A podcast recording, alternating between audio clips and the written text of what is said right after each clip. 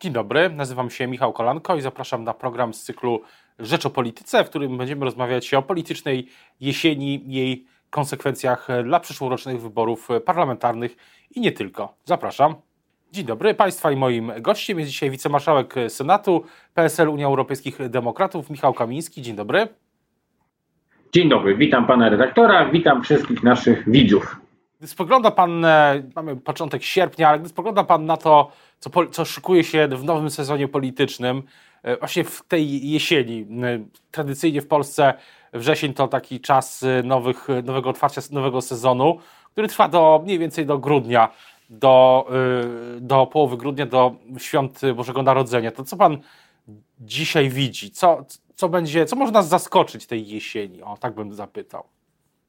Chyba ja, ja raczej najpierw wydaje mi się, że warto rozmawiać o tym, co nas na pewno nie zaskoczy tej jesieni. Bo o tym, że coś nas zaskoczy, to, to, to tego możemy być pewni, ale obawiam się, że jest również cały zestaw e, rzeczy, których również możemy być pewni, które nas nie zaskoczą tej jesieni. To będzie narastający e, kryzys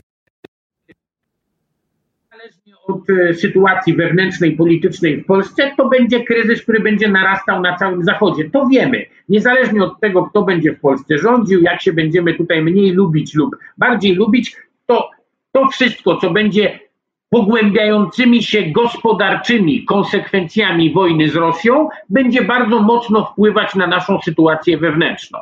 Dodatkowym elementem, o którym wiemy na pewno, że nastąpi tej jesieni, to będzie już ostateczne dotarcie do polskiej opinii publicznej informacji o tym, że rząd Mateusza Morawieckiego i Jarosław Kaczyński świadomie zrezygnowali z 200 miliardów euro na rozwój, 200 miliardów złotych na rozwój Polski.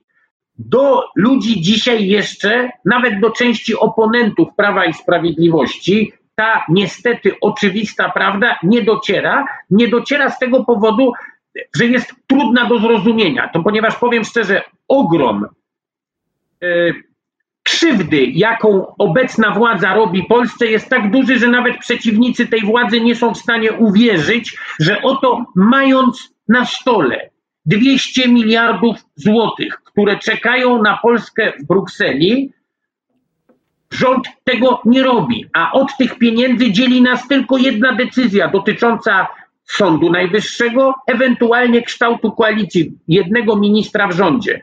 I ta dramatyczna rzeczywistość, że polski rząd z powodów ideologicznych, nie żadnych polskich interesów, podkreślmy, nie chodzi tu o żadne polskie interesy, o polskie granice, o polską godność, o polską konstytucję, wbrew temu, co oni mówią, nie. Tu chodzi tylko o to, czy polski Sąd Najwyższy będzie działał zgodnie z tym, na co się zgodził zresztą Mateusz Morawiecki w ramach tych kamieni milowych? Co więcej, Sejm i obecna władza miała możliwość przygotowania takiej ustawy, bo po poprawkach Senatu to było na stole i te pieniądze mogły być już w Polsce. Tak się nie stało z powodu decyzji osobistej, przecież nie Morawieckiego, tylko Jarosława Kaczyńskiego. Jeżeli pan mnie pyta, co będzie tej jesieni, to tej jesieni będzie to z całą pewnością jeden z najważniejszych tematów do debaty w Polsce. W imię czego obóz dobrej zmiany zrezygnował z gigantycznych pieniędzy. W sytuacji, w której do każdego Polaka będzie docierać, panie redaktorze, że pieniędzy w Polsce jest coraz mniej, realnych pieniędzy, nie tych drukowanych przez, przez pana Glapińskiego, tylko tych realnych pieniędzy. Jest po prostu w Polsce coraz mniej. I w tym państwie które zmagać się będzie z niezawinionymi przez siebie, żeby było jasne, w dużym stopniu, konsekwencjami wojny z Rosją, w której to państwo zachowuje się w porządku i zgodnie z polskimi interesami narodowymi, i to też trzeba bardzo wyraźnie mówić. My, jako opozycja, krytykując rząd, musimy mówić też bardzo wyraźnie: w tej sprawie rząd się zachowuje w porządku. Dlaczego musimy tak mówić o tym za chwilę? Dlaczego również musimy o tym mówić? Dygresja. Jedna dygresja, też być może kluczowe pytanie, nawet nie dygresja. Gdy spogląda Pan na to, co dzieje się właśnie w, w Ukrainie i w, na, na, dalszy rozwój tego konfliktu, to Pan się spodziewa, że on będzie e, w pewnym momencie dojdzie do takiej fazy zamrożonej, czy on będzie trwa, dalej trwał w tej aktywnej fazie, która jest teraz? Moja prognoza jest taka. Wydaje mi się, że, że, że taka jest również Tak jest również myślenie dużej części ukraińskiej elity, tak to powiem. A mam wrażenie, że, że, że jestem świadomy, co oni dzisiaj myślą i jak myślą. Myślę, że dzisiaj ukraińska elita ma pełną świadomość tego, że mówiąc krótko, jak daleko zajmie, zajdzie armia ukraińska tej jesieni, skądinąd pan też o jesień pytał w Polsce, ale tak naprawdę najważniejsza jesień, oczywiście to będzie jesień na polach Ukrainy. Jak daleko tej jesieni zajdzie armia Ukrainy, e, tak daleko sięgać będzie, mówiąc z patosem, e, zasięg cywilizacji zachodniej na wschodzie. Ponieważ każdy się obawia, że nacisk, ja się też tego obawiam, mówię to z całą brutalną szczerością, że nacisk Zachodu na pokój, jakiś pokój na Ukrainie w obliczu bardzo trudnej zimy będzie tak duży, że mówiąc krótko, do tego pokoju jakoś tam może wtedy dojść. I cały, całe pytanie i cała dzisiaj rozgrywka, z której Ukraińcy zdają sobie sprawę, polega na tym, jak daleko, w jakim położeniu militarnym będzie Ukraina w momencie, w którym Zachód zacznie pękać. Przepraszam, nazywam rzecz po imieniu. Otóż dzisiaj we wszystkim my powinniśmy ściskać, trzymać kciuki i w tym dlatego też mówię, trzeba popierać polski rząd w dostawach broni, w tym, w czym oni są naprawdę dobrzy i starają się pomóc Ukrainie. Bo to jest dzisiaj kluczowe absolutnie. Im dalej zajdą Ukraińcy militarnie, im większego łupnia, przepraszam za ten język, spuszczą Rosjanom tu i teraz, tym lepsza będzie ich pozycja w momencie, w którym istnieje niebezpieczeństwo, że Zachód zacznie pękać bo może zacząć pękać i na to gra ewidentnie Putin pod wpływem swojej własnej opinii publicznej. Stąd będą bardzo duże prowokacje. I stąd dzisiaj, o czym też warto mówić, panie redaktorze, wojna Rosji z Zachodem toczy się militarnie na froncie ukraińskim, ale politycznie toczy się również w Polsce, toczy się całej opinii publicznej Zachodu. Bo dzisiaj tak naprawdę Rosja ma rozrysowaną strategię na dezintegrację Zachodu i ta strategia jest rozrysowana na każdy kraj po kolei. I my już wiemy, my już wiemy, panie redaktorze, jakie narracje rosyjska propaganda będzie narzucać w Polsce.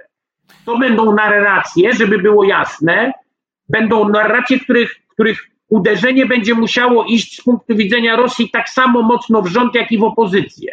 I stąd też, panie redaktorze, teraz rosyjska agentura w Polsce bardzo mocno atakuje obie strony politycznego sporu za ukraińską flagę, którą pan dzisiaj wisi za, widzi za mną w gabinecie marszałka polskiego Senatu. Widać już ewidentnie, że poszła dyrektywa z Moskwy, by różni agenci nagle zaczęli podnosić, a dlaczego Morawiecki, a dlaczego Duda, a dlaczego Grocki pozwalają w Senacie, w rządzie na ukraińskie flagi. Oni zaczęli rozdymać takie, że to jest rzekome jakieś uwłacza nam Polakom, żeby ten element rosyjskiej propagandy wrzucać dla dezintegracji Polski, dla siania tutaj u nas no, e, jakiejś. E, jednak do, do tego. Warto o tym mówić, panie redaktorze.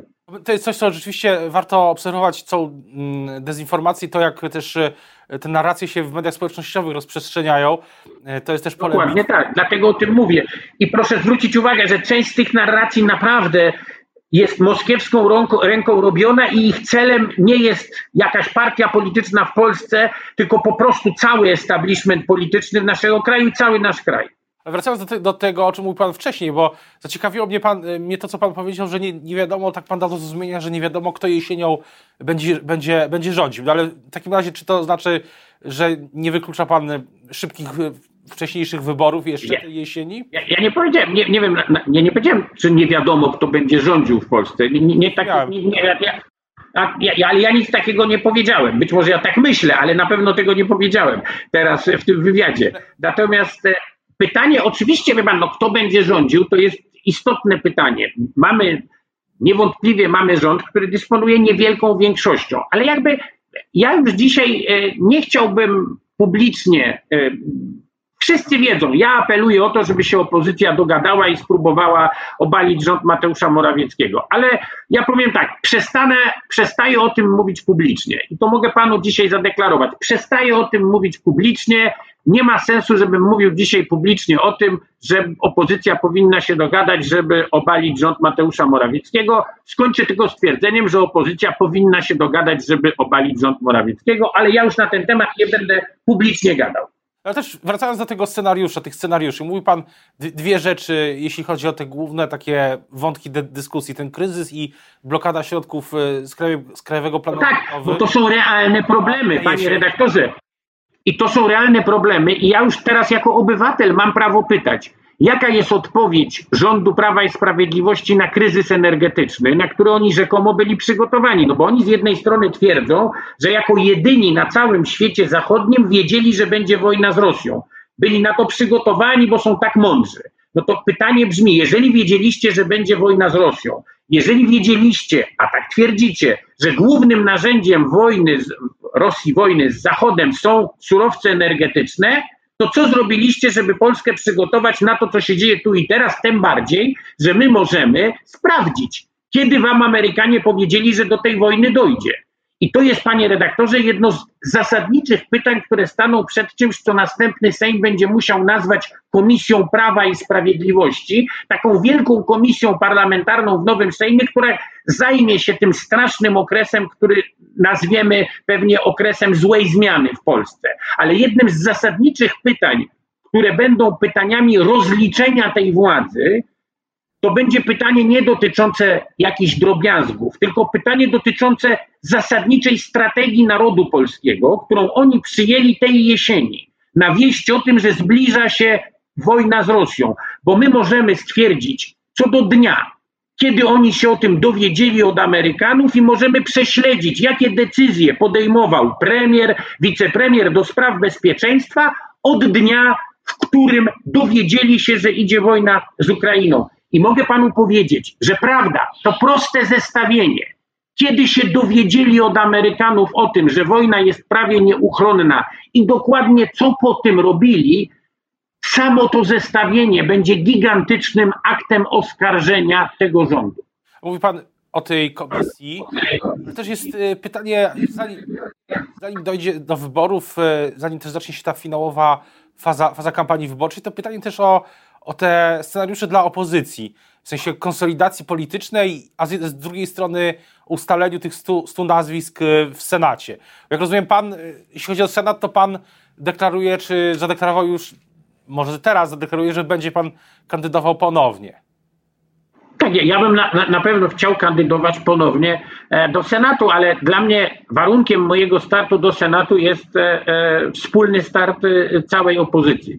Ja mogę być kandydatem do Senatu, jeżeli będę kandydatem tak jak byłem do tej pory e, całej opozycji, to ma wtedy dla mnie sens. To jest okręg wyborczy, w którym dostałem 60% głosów, pokonując e, kandydata urzędującego senatora, kandydata Prawa i Sprawiedliwości. Pan, panie redaktorze, może potwierdzić, bo pan pamięta tę kampanię, że mało kto dawał mi szansę e, wyborcze i to był okręg, tak, który do ostatniego, do ostatniego dnia ten okręg był traktowany jako okręg prawie niepewny, ale prawie pewny dla Prawa i Sprawiedliwości. Mój wynik wyniósł 60 do 40. Ja dostałem 9% głosów więcej w moim okręgu wyborczym niż wszystkie partie opozycyjne razem wzięte. Jestem przekonany, że jeżeli wystartuję znowu, to powalczę. Nie wiem, czy wygram, bo to wiedzą tylko moi wyborcy. Natomiast mogę powalczyć, ale sens mojego startu jest wtedy, jeżeli będę startował w ramach pomysłu, jakim jest wspólnota, która już odniosła sukces raz i się sprawdza w Senacie. A myśli pan, że taki, do takiego ustalenia dojdzie jeszcze w tym roku? ja jestem przekonany, panie redaktorze, że współpraca opozycji na bardzo wielu płaszczyznach jest scenariuszem dużo bliższym niż się to wszystkim wydaje. Mogę panu powiedzieć, że staram się osobiście zrobić wszystko, co w mojej mocy.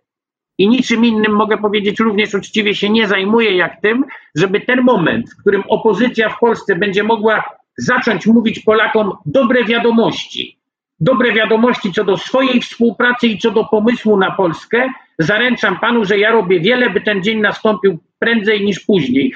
A robię to w przekonaniu, że wszyscy ludzie, którzy są w opozycji, a jak pan ja ich znam osobiście, to są ludzie, którzy są bardzo potrzebni Polsce.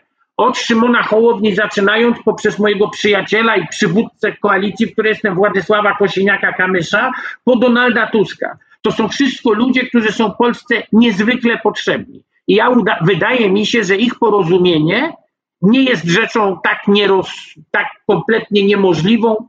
Różne porozumienie, żeby było jasne, jak to się niektórym wydaje. I ja sądzę, że dzisiaj także wyborcy, elita polityczna i liderzy opozycji zdają sobie sprawę, że ten zegar historii dla naszego narodu tyka już bardzo głośno. Bo te 200 miliardów, o których mówiłem na początku, to jest bardzo poważny problem tu i teraz. On, on jest problemem na dziesięciolecia dla Polski, bo tych pieniędzy, jak zabraknie teraz, to pokolenia będą płacić za ten błąd Kaczyńskiego. Powtórzę, pokolenia. Ale żeby sytuacja była jeszcze gorsza, to powiem, że taki, tak czy inaczej, nawet te 200 miliardów są tylko elementem większej całości, którym jest wypisywanie Polski ze wspólnoty z Zachodu to wypisywanie Polski ze wspólnoty Zachodu musi zostać zatrzymane.